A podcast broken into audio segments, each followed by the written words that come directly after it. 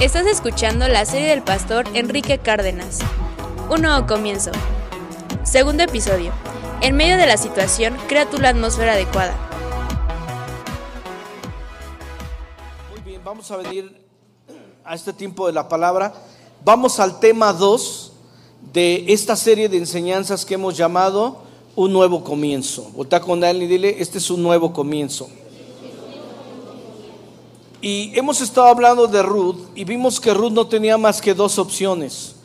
Ruth podía quedarse en Moab, esta tierra en donde eh, la vieron nacer, donde seguramente tenía sus familiares y sus amigos en algún momento, o podía escoger también entre, entre irse a Israel, irse a Belén de Judá. Entonces, ella eh, había sido menospreciada, lo había intentado todo, pero una vez más había fracasado. El éxito de ella fue que se mantuvo en la brecha.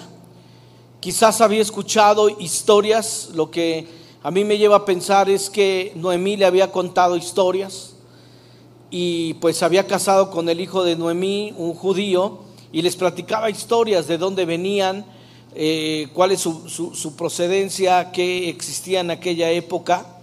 Y entonces en estos momentos en el que regresan a Belén de Judá, ella se encuentra en una situación completamente de pérdida, donde había sido rechazada por su familia. Si tú te fijas, la Biblia nunca habla de sus familiares y amigos, seguramente porque en aquella época como ahora, casarse con un árabe, eh, eh, el árabe casarse con un judío, es lo peor que puede suceder, es una traición muy grande.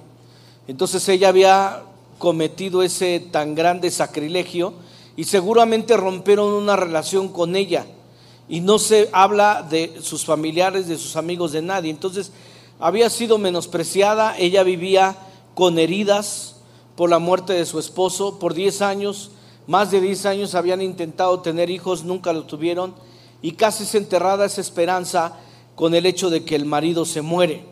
Entonces nadie creía en ella. Nadie ya quería saber absolutamente de ella, era muy, muy mal vista.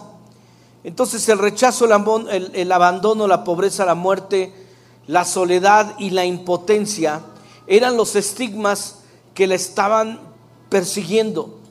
Y hay momentos en la vida en la que podemos pasar por esas situaciones eh, tan marcadas. Y es en ese momento en donde solamente nos queda más que creer en nosotros mismos. Y tú puedes decir, pero ¿cómo así creer en nosotros mismos? Sí, cuando tú crees en ti mismo, en realidad estás creyendo en las promesas que Dios a ti te ha dado. Y necesitamos recapacitar en el, en el hecho de que ya no hay nada que nos pueda sostener más que promesas de Dios, más que la fe en el que comenzar de nuevo es la única alternativa que tenemos. A veces podemos estar en una condición ahí. Es un nuevo comienzo. Por eso el lema de esta serie es, a veces para seguir hay que comenzar de nuevo. Vota con alguien y dile, a veces para seguir hay que comenzar de nuevo. Y cuando yo hablo de, de, creer en ti, hablo de creer en lo que Dios va a hacer en ti. No hay nada de malo en que nosotros recuperemos el deseo de creer en nosotros, porque de repente decimos, no, nos ponemos de religioso y decimos, no, es, es creer en lo que Dios quiere hacer a mí. Fíjate que cuando Dios quería tratar con el corazón de alguien por un propósito, tenía que hablarle acerca de lo que Dios creía de esa persona. Por ejemplo, a Gedeón, cuando Dios quería usar a Gedeón, le dijo, varón esforzado y valiente. ¿Cómo así, varón esforzado y valiente, si se estaba escondiendo? Tenía miedo, tenía pánico, pero Dios llegó con él y le dijo, tú eres un varón esforzado y valiente. Y él volteó con Dios y le dijo, mira, si yo fuera un varón esforzado y valiente y si yo pudiera traer éxito, libertad a mi nación, entonces ¿por qué nos está pasando todo esto? ¿Y por qué nos persiguen las bandas de los madianitas? ¿Y por qué nos atacan? Y comenzó a hacer una serie de preguntas. ¿Y sabes qué hizo Dios?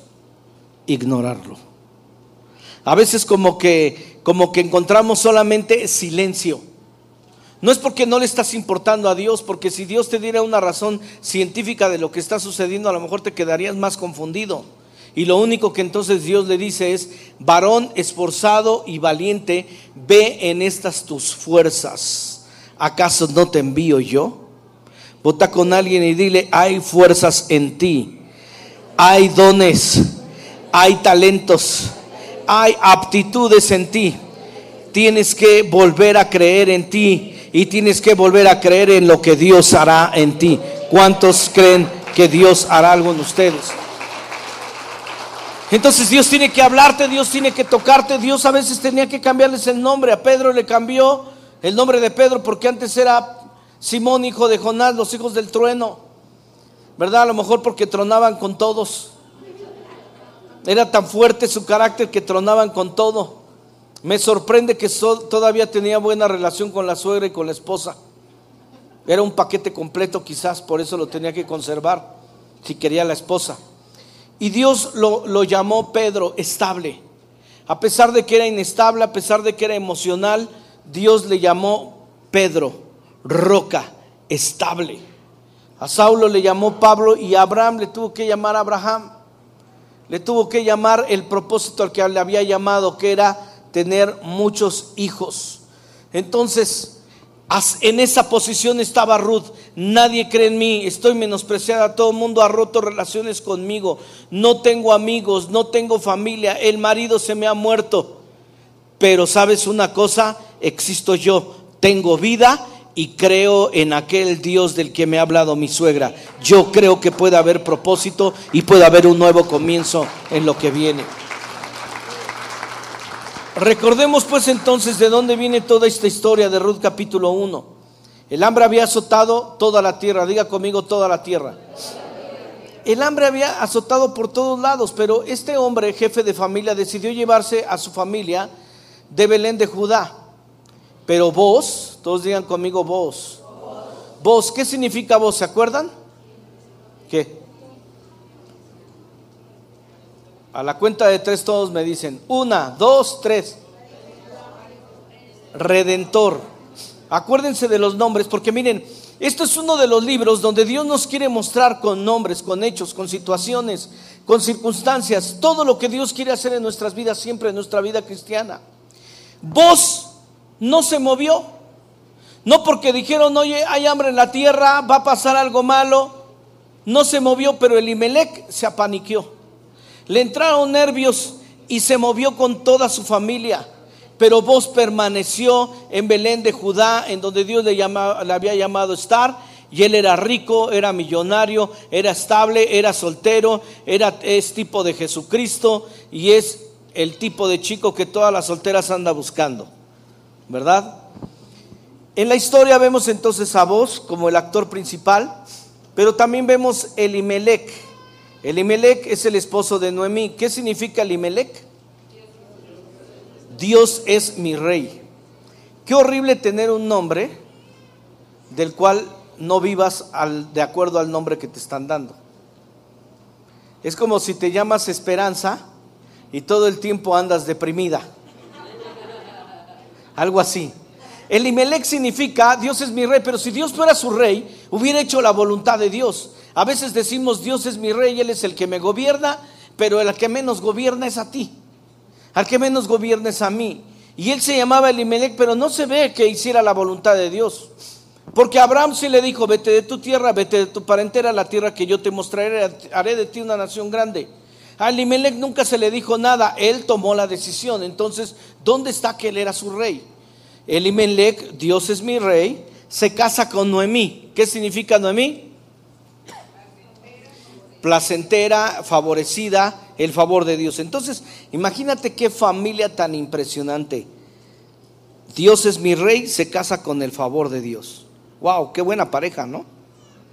Estos tienen un hijo que se llama Malón. ¿Malón qué significa? Gozo y canto. Entonces, qué dicha que se casa Dios es mi rey con Noemí, que es el favor, y que tengas un hijo que te da toda la alegría y, el canto. Suena a, telenovela, ¿verdad? Suena bonito. Pero después tienen otro hijo que se llama Kelión, que significa perfección o perfectos o justos delante de Dios. No, hombre, ¿quién no quiere tener esa familia?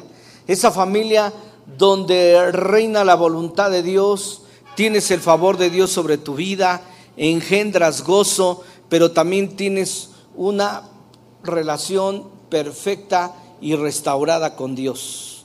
Imagínate el ejemplo de familia que Dios nos está dando.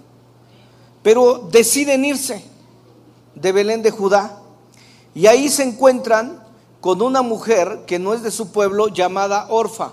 Orfa, ¿qué significa? La que se echa para atrás. Imagínate casarte con una mujer que siempre se echa para atrás de todo. Hoy se emociona y te dice, mañana de desayuno les voy a preparar a todos unos huevitos rancheros. Y te levantas con ánimo resuelto y, y tú dices, ¿qué onda? No se ha levantado, ¿no? Y así se levanta con toda la greña y ¿qué pasó? Pues ya me eché para atrás, no los voy a hacer. Y, y, esta mujer se levanta y dice, voy a estudiar esta carrera el día de hoy, me voy a inscribir. Y, y pasa el siguiente día, ¿qué pasó? No, ya me eché para atrás. Y que te diga, mañana viejo te voy a, te voy a apoyar en el negocio, vas a ver, me voy a levantar temprano, voy a ir contigo y me vas a desconocer y nunca llegó y, dieron las doce, la una, las dos y las tres. Y no llegó. ¿Qué pasó? No, es que la mera me eché para atrás. Ese era el tipo de mujer que se encontraba.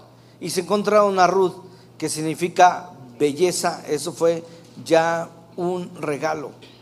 Entonces, esta historia nos enseña que uno no se puede ir de la palabra y de la alabanza y que no suceda nada. ¿Qué significa Belén? ¿Qué significa Belén? ¿Cómo? Casa de pan o casa donde hay palabra, pan o palabra. No solo de pan vivirá el hombre, sino de toda la palabra que sale de mi boca. Entonces, Belén y Judá, ¿qué significa? Alabanza. No te puedes mover de la palabra, no te puedes mover de la casa donde Dios te está hablando palabra, no te puedes mover de Judá donde hay alabanza y que no haya consecuencias en tu vida. Porque las adversidades van a venir, las consecuencias van a venir y no vamos a poder sostenernos, no vas a poder cumplir tu rol como esposo, no vas a poder cumplir tu rol como esposa, no vas a poder cumplir tu llamado, no vas a poder cumplir tu ministerio, no vas a poder llevar a cabo tu negocio, tu trabajo, todo lo que tienes de responsabilidad, etcétera al menos que no tengas la palabra y al menos que no tengas la alabanza sobre tu vida continuamente, eso levantándolo espontáneamente cada día en tu vida, porque eso es lo único que nos sostiene. No te debe de importar nada en la vida más que en tu vida tenga pasión por la palabra y todo el tiempo haya alabanza en tu boca. Mira, como mujeres siempre se están preocupando por lo exterior hasta hay un dicho que dice antes muerta que sencilla, ¿no? Y tú puedes venir aquí muy maquilladita y muy, muy arregladita, pero Dios te dice, quiero que pierdas el estilo. Que si es tiempo de levantar las manos, que si es tiempo de adorar, que si es tiempo de llorar, no digas, no, no, mejor no que se regrese porque el, el rímel me va a afectar. Que no te importe lo exterior. A las mujeres les importa mucho esa parte del exterior y se llama orgullo y se llama soberbia, pero el hombre es peor. ¿Por qué? Porque el hombre le importa no quizás eh, eh, eh, lo exterior, sí nos gusta vernos bien y lo que tú quieras, pero nos importa más el qué dirán. Es que si levanto las manos van a pensar que ya estoy cediendo. Es que si levanto las manos van a, van a pensar que, que, que ya entonces este, me estoy volviendo muy espiritual y te mantienes con tu cara larga y te mantienes con tu cara dura y te mantienes con tu cara como de amargado, como de pasa aplastada, como de eh, plátano acalorado, casi ya pudriéndose, lleno de puntitos negros. Y no puede ser eso la única manera de que nosotros entendamos que algo va a cambiar en nosotros es si nos mantenemos en la palabra y nos mantenemos en la alabanza. O escúchame, aprendimos la semana pasada, eventualmente todo lo que está a tu alrededor va a comenzar a morir. Debemos de ser personas que pierden el estilo, que no les importa.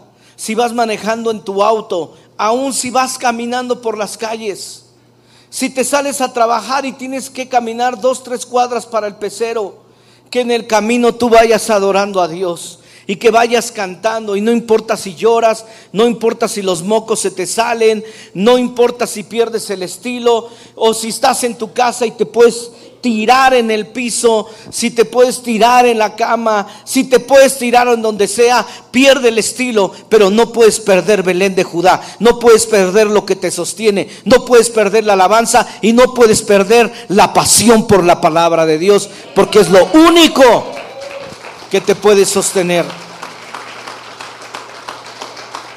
Eso nos lleva al punto número uno. Noemí se dio cuenta justo a tiempo escribe justo a tiempo de que tenía que regresar a Belén de Judá.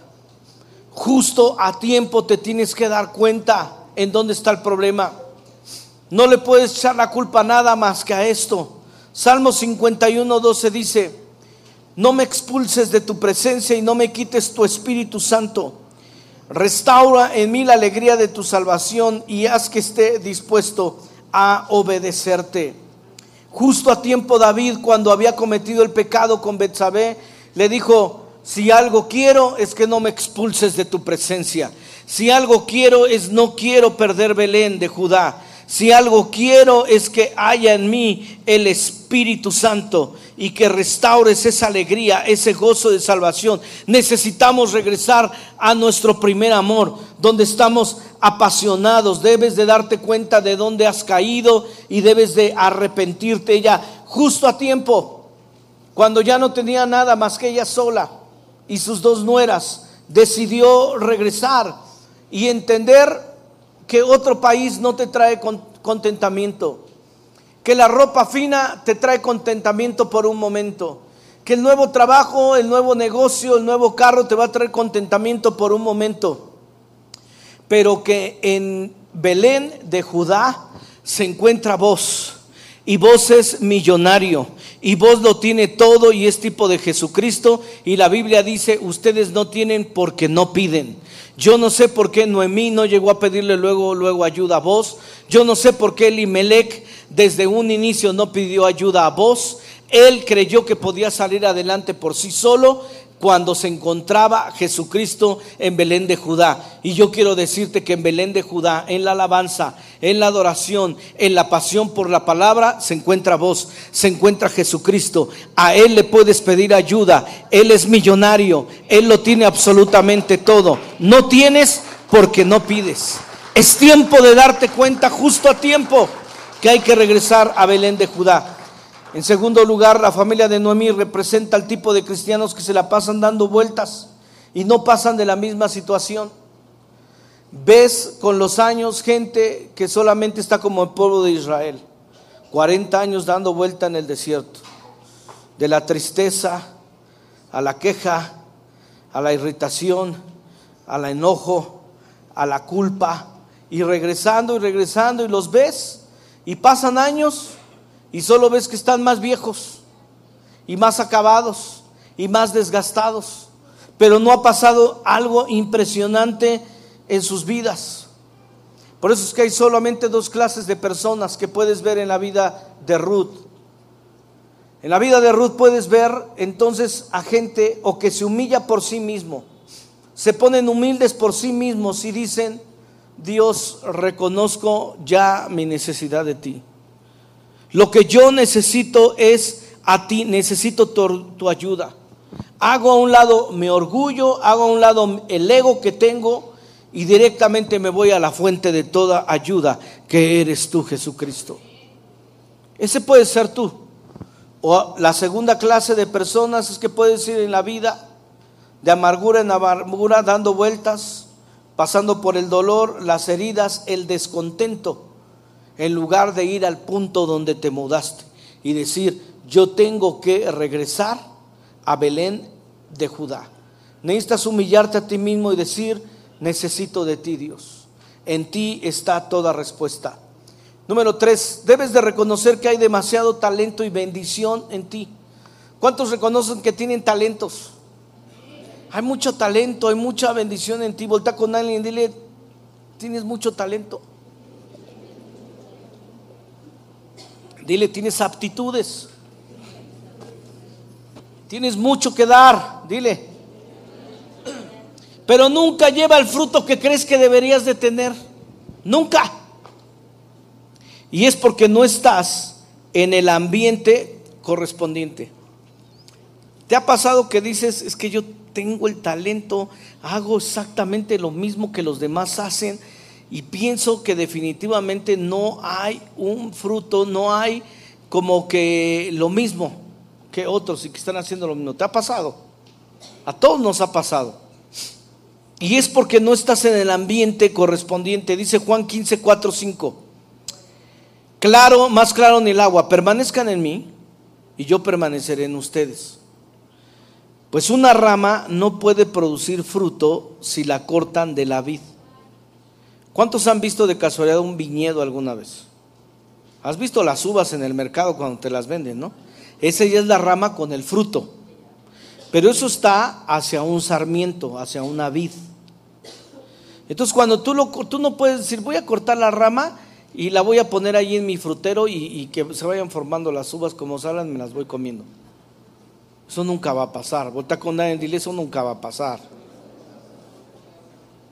Dice, si, tú la cortas de la vid, así ustedes tampoco pueden ser fructíferos a menos que permanezcan en mí. Ahora, el verso 5 es como si Jesús nos dice, ok, te voy a hablar con bolitas y palitos. Ciertamente, yo soy la vid ya para que me entiendas. Yo soy. Ustedes son las ramas. Los que permanecen en mí y yo en ellos producirán qué? Mucho fruto. ¿Cuánto fruto? Dios quiere que tú produzcas mucho fruto, porque separados de mí nada pueden hacer. Tú puedes estar rodeado de mucha gente, pero no te van a ayudar. Hay atmósferas que nunca te van a ayudar. Tú puedes tener una semilla en tu mano de lo que tú quieras. Y esa semilla tiene un potencial, tiene un potencial de llegar a ser hasta un árbol muchas veces. Ese es el potencial. Pero ¿qué pasa si yo la dejo aquí como esta tapita? Esta es la semilla. Y aquí la dejo toda la vida. La puedes enterrar como enterraron semillas en la tumba de Tutankamón y que las encontraron miles de años después. ¿Y sabes que funcionaron? Las sembraron y dieron fruto. Pero mientras estaban en la tumba de Tutankamón, no pasó nada. Vota con y dile, parece que estás en la tumba de Tutankamón. Estás rodeado de mucha gente y no vas, no vas a dar fruto. Es hasta que nosotros podamos entender que hay un ambiente, lo hablamos la semana pasada, hay un ambiente. Los peces necesitan el agua, las estrellas el firmamento. Nosotros necesitamos la presencia de Dios. Nosotros necesitamos la palabra. Nosotros necesitamos la alabanza todos los días de nuestra vida y vamos a llevar mucho fruto. Tu vida va a ser fructífera económicamente, emocionalmente, espiritualmente. Tiene que haber un cambio si tú tienes una pasión desmedida por Dios. Ahora les voy a hablar de un punto muy práctico, el ambiente de alabanza y la palabra versus nuestros sentimientos. Eso es lo que significa BS. Cuando jugabas futbolito y ponían BS y no sabías qué eras, es versus. O sea, contra, en contra de. El ambiente de alabanza y palabra versus nuestros sentimientos. Déjame hablarte de algo muy, muy claro. Ojo acá, póngame atención acá. Todos estamos conscientes de, la que, de que la Biblia dice que en el cielo no hay tristeza, no hay llanto, no hay dolor, no hay heridas, no hay enfermedad, todo es perfecto. ¿Todos estamos de acuerdo eso, que en el reino de Dios es así en el cielo? Ahora, todos creemos que el cielo está después de la atmósfera de la tierra y que si, los aviones vuelan y está bien lejos, y entonces este, después de eso está el, el firmamento y que cuántos años luz hay para llegar a Júpiter y, a todos esos, esos planetas y no nos estamos dando cuenta que el cielo es una dimensión. Cuando Esteban estaba siendo apedreado, la Biblia dice que él vio el cielo y vio a Jesús puesto de pie. no estaba sentado, porque Jesús está sentado a la diestra del Padre. Pero cuando uno de sus hijos está siendo apedreado, es un hijo mártir y él se pone de pie para recibirlo con honores. Pero bueno, ese es otro mensaje, ya me estoy emocionando con, lo que no es. Entonces, la Biblia dice que él está siendo apedreado y cuando está a punto de morir ve el cielo, porque el cielo es una dimensión. El cielo es una dimensión más cercana a la que tú crees. El cielo está disponible a nosotros a un clamor. El cielo está disponible a nosotros a una alabanza. El cielo está disponible a nosotros a una confesión de una palabra asertiva de la palabra de Dios. Así está disponible esa, esa, esa dimensión. Entonces lo que yo te estoy diciendo es que ahí, que está tan disponible y tan cerca de nosotros, no hay quejas, no hay dolor, no hay tristeza. En la realidad, ¿qué es lo que sucede? Tú quieres buscar de la presencia de Dios y vamos a decir que te acabas de embroncar con tu cónyuge. O te peleaste con un hijo. O con un hijo de la calle. Con un hijo con otro hijo de Dios. Y entonces, si tú quieres hacer un ambiente de alabanza y de adoración, ¿qué pasa? No puedes. Y no puedes porque inmediatamente tú estás pensando en la situación y dices, no, es que, o quizás tienes cargas quizás tienes preocupaciones, quizás tienes deudas, quizás tienes problemas. Y tú tratas de ir y de buscar a Dios y no puedes. Ahora, Dios te escucha, porque Dios te va a escuchar siempre, pero no has creado ninguna atmósfera, no ha pasado nada, no va a pasar nada. Él te oye, Él te escucha, Él es omnipresente, Él es omnipotente, Él está en todos los lugares, pero no sucede nada. ¿Sabes por qué? Porque tú no has aprendido a vencer tus sentimientos. Por eso se llama sacrificio de alabanza. Porque cuando tú sacrificas algo, un animal es sacrificado. Cuando tú sacrificas algo, necesitas sacrificar tus sentimientos, necesitas sacrificar tus emociones. Y es ahí donde se pierde la batalla. Es ahí donde ya no lo podemos lograr. Incluso tratas de leer un versículo de la Biblia y hablas, a ver, voy a abrir Hoy estamos a 31, voy a leer Proverbios 31. Y tratas de leer, pero en el fondo estás no, y cuando lo ven, porque me va a oír. Yo le voy a llamar porque ya me hartó. Y si alguien está por ahí, ¿qué pasó? ¿Me hablabas? Ah, no, no, te estás peleando ahí. O sea, no puedes lograr concentrarte en la palabra, no puedes lograr meterte a la alabanza, no te puedes meter en la adoración. Y yo quiero decirte que si hay ese ambiente, tú eres responsable, tú lo creaste. Tú tienes la autoridad de cambiarlo. Y tú dices, no, no tengo la autoridad porque no puedo. Ah, pero si tuviste la autoridad para ponerlo en mal. Si tuviste la autoridad para cambiar el ambiente en tu casa, hacer un ambiente negativo, ahí sí pudiste. ¿Sí me estoy explicando? Los veo así como con cara de. ¿De qué me estás hablando, pastor? ¿Sí o no? Se pone fea la casa de quien lo provocó. Alguien de la familia. ¿Sí o no? Y cuando te quieres meter con Dios no lo puedes cambiar y tú lo creaste. Lo que te estoy diciendo es, volta con alguien y míralo. Y le vas a decir lo que te voy a decir. Y no le tengas miedo. Dile, llamadura.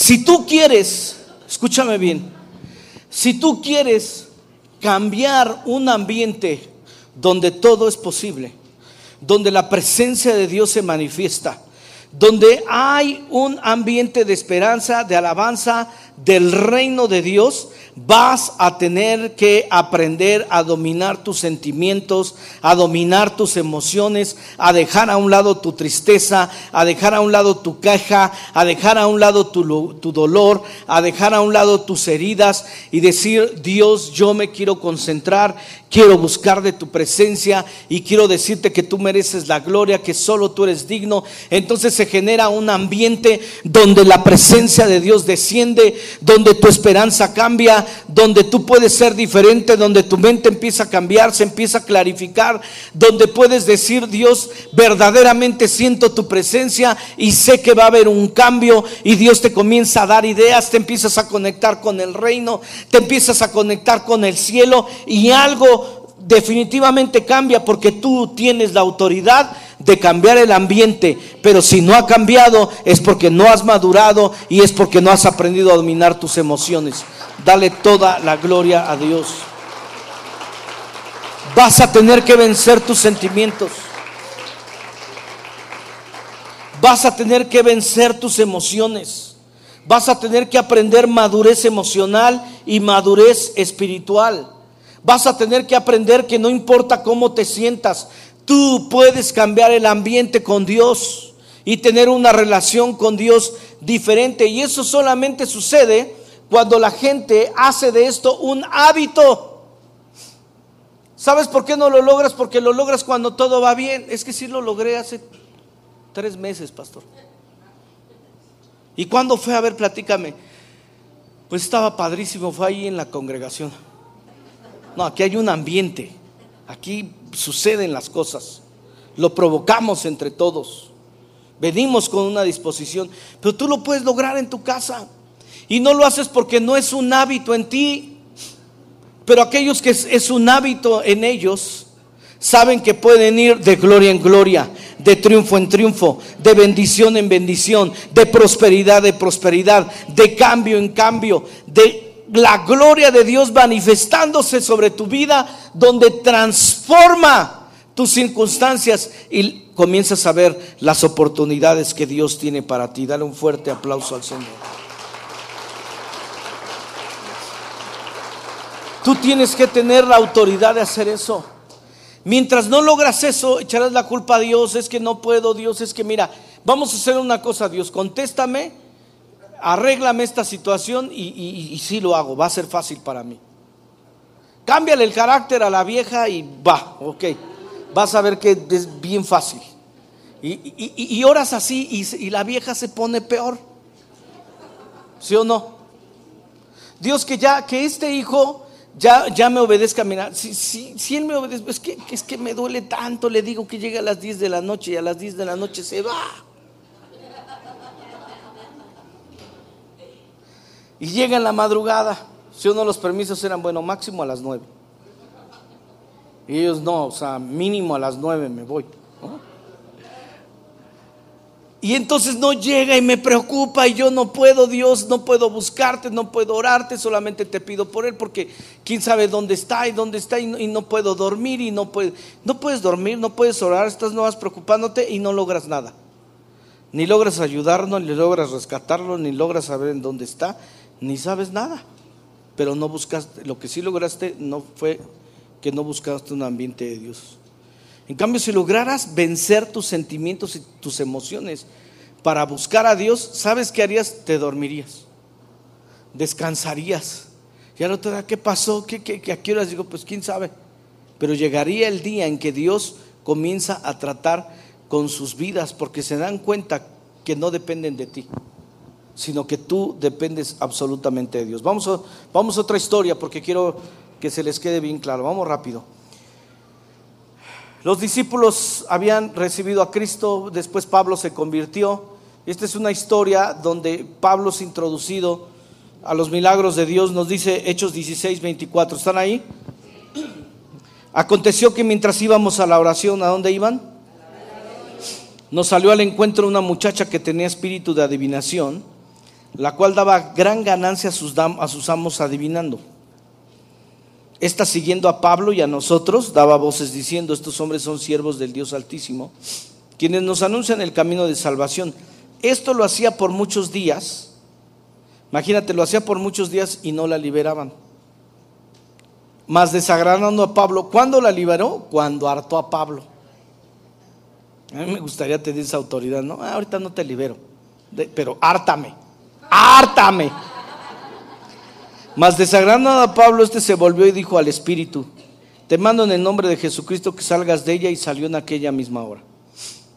Pero viendo sus amos que había salido la esperanza de su ganancia, prendieron a Pablo. O sea, no se convirtieron, dijeron, no, ¿cómo? Nos quitaste el negocio.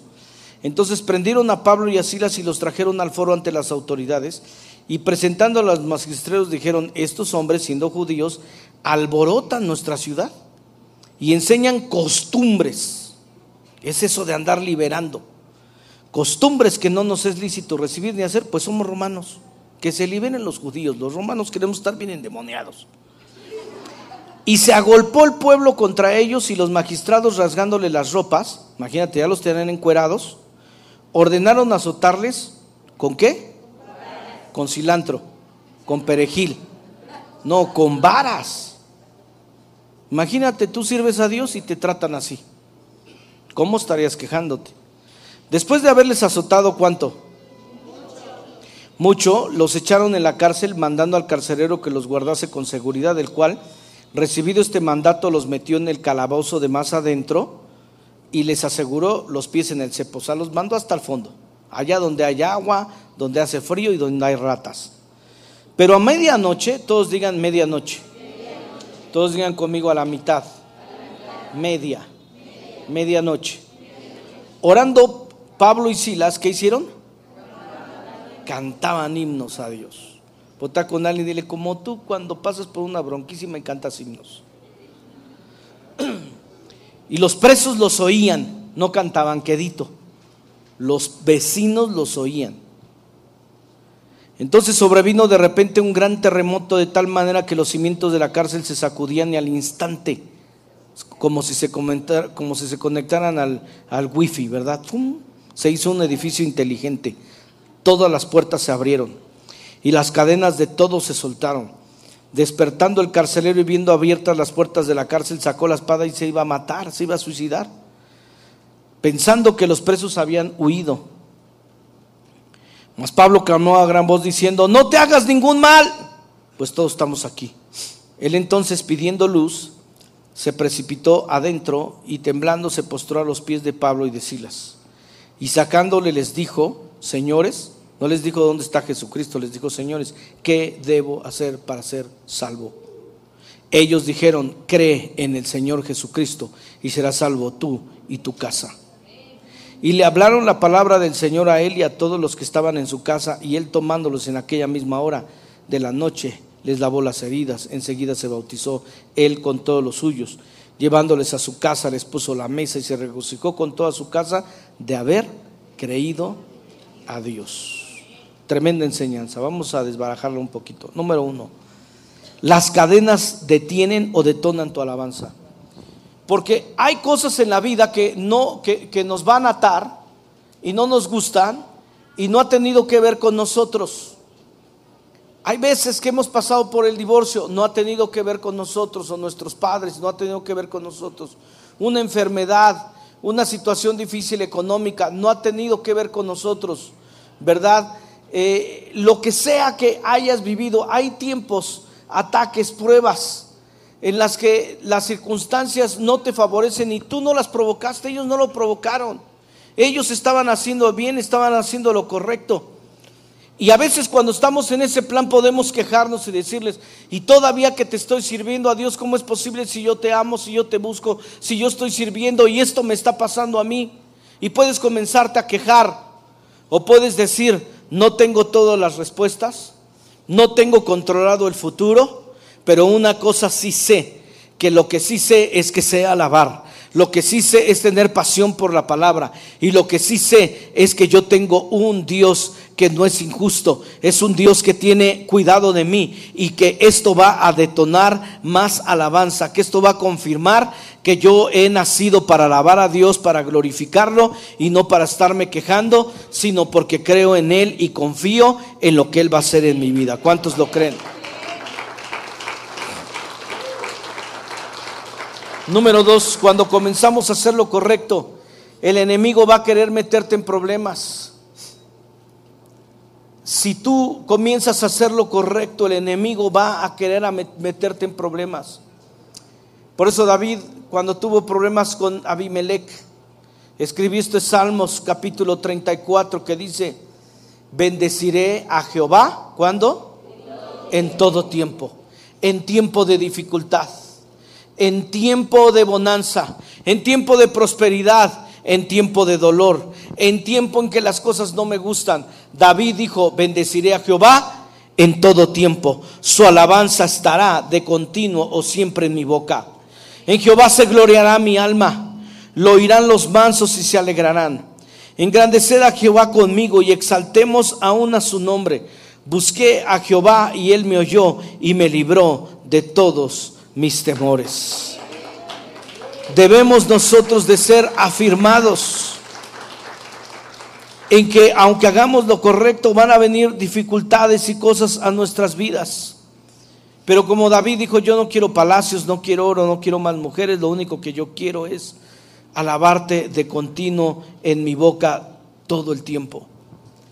Número tres, me gusta la expresión que decía a medianoche, en medio del problema, en medio de la situación, escribe, en medio del problema, en medio de la situación. Hechos 16, 25. Pero a medianoche orando Pablo y Silas cantaban himnos a Dios y los presos los oían. Yo tengo una palabra que quiero darles. Dios me decía, dale una palabra a mi pueblo y diles que tienen que entender que yo quiero arreglar las cosas, pero en medio de la batalla. En medio es interesante, porque como lo hemos escuchado muchas veces, hay un vaso, tiene la mitad agua Tú puedes decir que está medio lleno o que está medio vacío. ¿Cuál es la perspectiva de tu vida? Ellos pudieron haber dicho, esta es la medianoche. Estamos entrando al momento más profundo de la noche, de nuestra primera noche, de quién sabe cuántas noches. O puedes decir, esta es la medianoche, ya va a amanecer y llegará el día, la luz va a venir y Dios nos va a librar con esto. Este es el momento de creer que Dios lo va a hacer. Amén. Dale el aplauso más fuerte al Señor.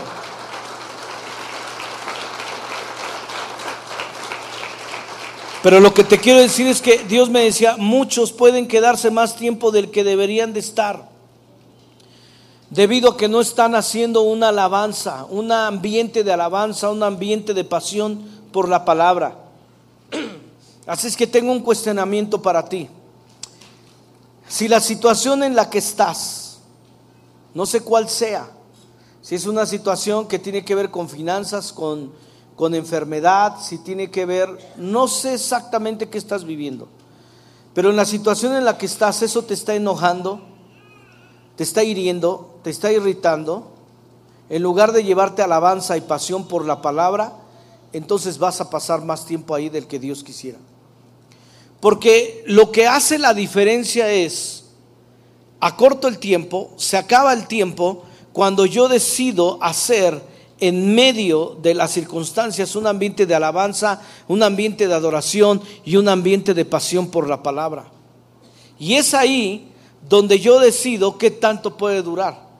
Porque cuando Dios ve una actitud así, inmediatamente comienza a suceder algo. No puede ser que tú no te conectes con Dios en ese sentido continuamente como un hábito y no suceda nada. Dios terminará manifestándose o terminarás alargando el tiempo. ¿Qué decides tú? Y Dios me decía, dile a mi pueblo que en medio de la situación es donde yo quiero arreglar las cosas. Amén. Dos puntos más y nos vamos. Cuatro. Hay puertas que están por abrirse Estás a una alabanza y una palabra de que se abran. La Biblia dice, entonces sobrevino de repente, di conmigo de repente. Sobrevino de repente un gran terremoto de tal manera que los cimientos de la cárcel se sacudían y al instante se abrieron todas las puertas. ¿Sabes por qué el enemigo no quiere que se remuevan tus sentimientos? Tu desesperación, el pánico, la tristeza porque no quiere que se te abran las puertas. Pero tú estás a una alabanza, estás a un clamor, estás a una pasión de la palabra para que se abran puertas que no se han abierto. El reino de los cielos, la Biblia nos dice que hay llaves. Jesús le dio llaves a Pedro y le dijo, te entrego las llaves del reino. En la Biblia vamos a encontrar continuamente que la Biblia nos habla de llaves, cerraduras, puertas puertas que se abren, puertas que Dios abre y nadie cierra, puertas que Dios cierra y nadie abre. Y Dios me decía en este día que les dijera, estás a una alabanza, estás a una palabra apasionada de parte de Dios, que las puertas que estaban cerradas se abren.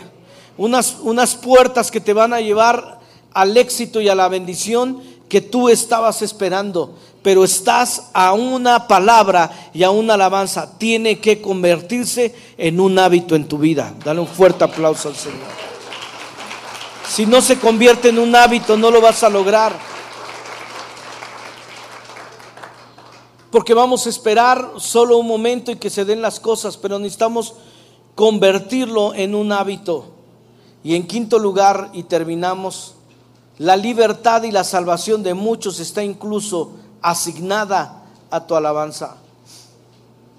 Checa este principio que quiero que lo recibas para tu vida.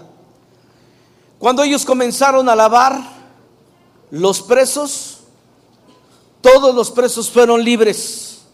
A todos se les cayeron las cadenas. David escribió, mi copa está rebosando. Cuando tu copa está rebosando, tú eres de bendición a muchas personas. Quiero que sepas que la salvación y la bendición de mucha gente está asignada a tu estilo de alabanza, adoración y pasión por la palabra de Dios que tú tengas. Es que es imposible que cuando uno está tan conectado con Dios, los demás no sean bendecidos.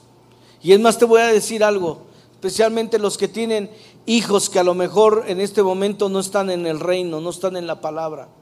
O un cónyuge que en este momento no está buscando de Dios como tú quisieras. Yo quiero decirte que de acuerdo a este principio que nosotros acabamos de leer. Llegaron con el carcelero y él les dijo, ¿qué debo de hacer salvo para ser salvo? Ellos le dieron una palabra categórica. Cree en el Señor Jesucristo y serás salvo tú y toda tu casa. Esta es una palabra para ti, esta es una palabra para mí. Cuando tú y yo desbaratamos en alabanza, cuando tú y yo promovemos la adoración y estamos apasionados por la palabra, en cualquier momento nuestros hijos serán salvos, nuestro cónyuge va a ser salvo, gente alrededor va a ser salvos y ellos van a recibir bendición, aún puertas se les van a abrir. A nuestros hijos muchas veces reciben bendición que no saben por qué la recibieron y algún día van a poder reconocer y van a poder decir, eran tus conexiones con Dios. Fue la conexión que tenías con Dios que me hizo tener esta bendición. Yo reconozco que aún lo que estoy viviendo es por causa de la bendición tuya, es por causa de la relación que tú tienes con Dios. Así que yo quiero animarte a, que tú entiendas. Quizá la alabanza que tú estás expresando ahorita y tu forma de ser está desatando la apertura de puertas que no solamente son para ti, pero son para tus hijos. La salvación que no solamente es para ti, pero es para tu familia. De acuerdo a este principio, yo lo recibo. Lo que yo hago va a bendecir a la gente que está alrededor de mí.